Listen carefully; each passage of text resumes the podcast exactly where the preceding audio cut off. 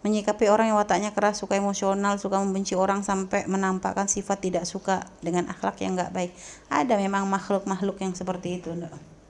Emosional ya. Kalau udah gak suka tuh kelihatan banget gak bisa nutupin muka sama tingkahnya tuh kelihatan banget kalau benci. Ya ada orang seperti itu. Terus gimana kita kalau ngelihat orang begitu? Yang waras ngalah. Ada orang begitu. Orang keras itu jangan dibalas keras keras dibalas keras pecah sehingga kalau ada orang seperti itu ya tanggapinnya jangan terlalu masukkan ke hati Jauh marah sama kita sampai begitu. Kalau lagi marah sudah tinggal aja nggak usah pusing. Orang marah tuh bahkan berhenti kalau nggak ada lawannya. Coba ente lagi marah-marah tiba-tiba ente ditinggal, bisa marah enggak? Ya ngapain mau marah sama siapa? Sama angin. Biarpun marahnya gimana, tiba-tiba yang dimarah diam atau gak jauh terus langsung pergi lagi. Eh, mau marah gimana? Berhenti marahnya. Tapi coba kalau ente jawab, orang marah terus ente jawab, ah habis tambahan. Maka sudah ada usah dilatih nih, ente diamin aja kalau orang dia memang emosional dikit-dikit marah, ya ente sudah paham wataknya. Artinya ente tidak usah ambil ambil ambil seperlunya berhubungan dengan dia. Daripada nanti ente ngomel-ngomel, ente hindari aja udah kelihatan hawa-hawa marah tinggalin. Itulah. Dan apa tadi? Emosional terus? Wah, kalau udah benci orang ya ya itu gak usah dibales. Orang stres. Kalau dia ada di lingkungan pondok, ya sakit dia. Di pondok kok masih bisa benci orang, sakit. Di pondok tuh udah ada ceritanya orang tuh boleh benci orang lain walaupun sesalah apa pun. Jangan ngerasa langsung hukum orang salah langsung kita berhak membenci, nggak ada.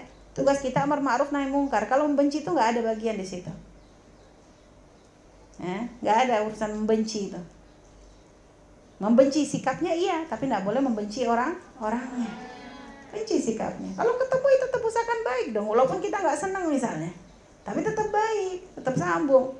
Karena dengan kita berbuat baik begitu mudah kita untuk nasihatin. Karena kalau nanti dia udah kita tahu kita kita nggak suka terus kita tunjukin dengan kebencian yang banget, ya akhirnya yang ada nggak bisa kita untuk amar ma'ruf nahi mungkar. Benci tambah dibalas benci ya nggak susah.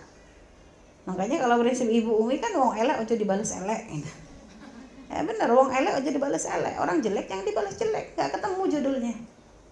Akan terus bersambung. Mata rantai setan yang tak terputus itu nanti.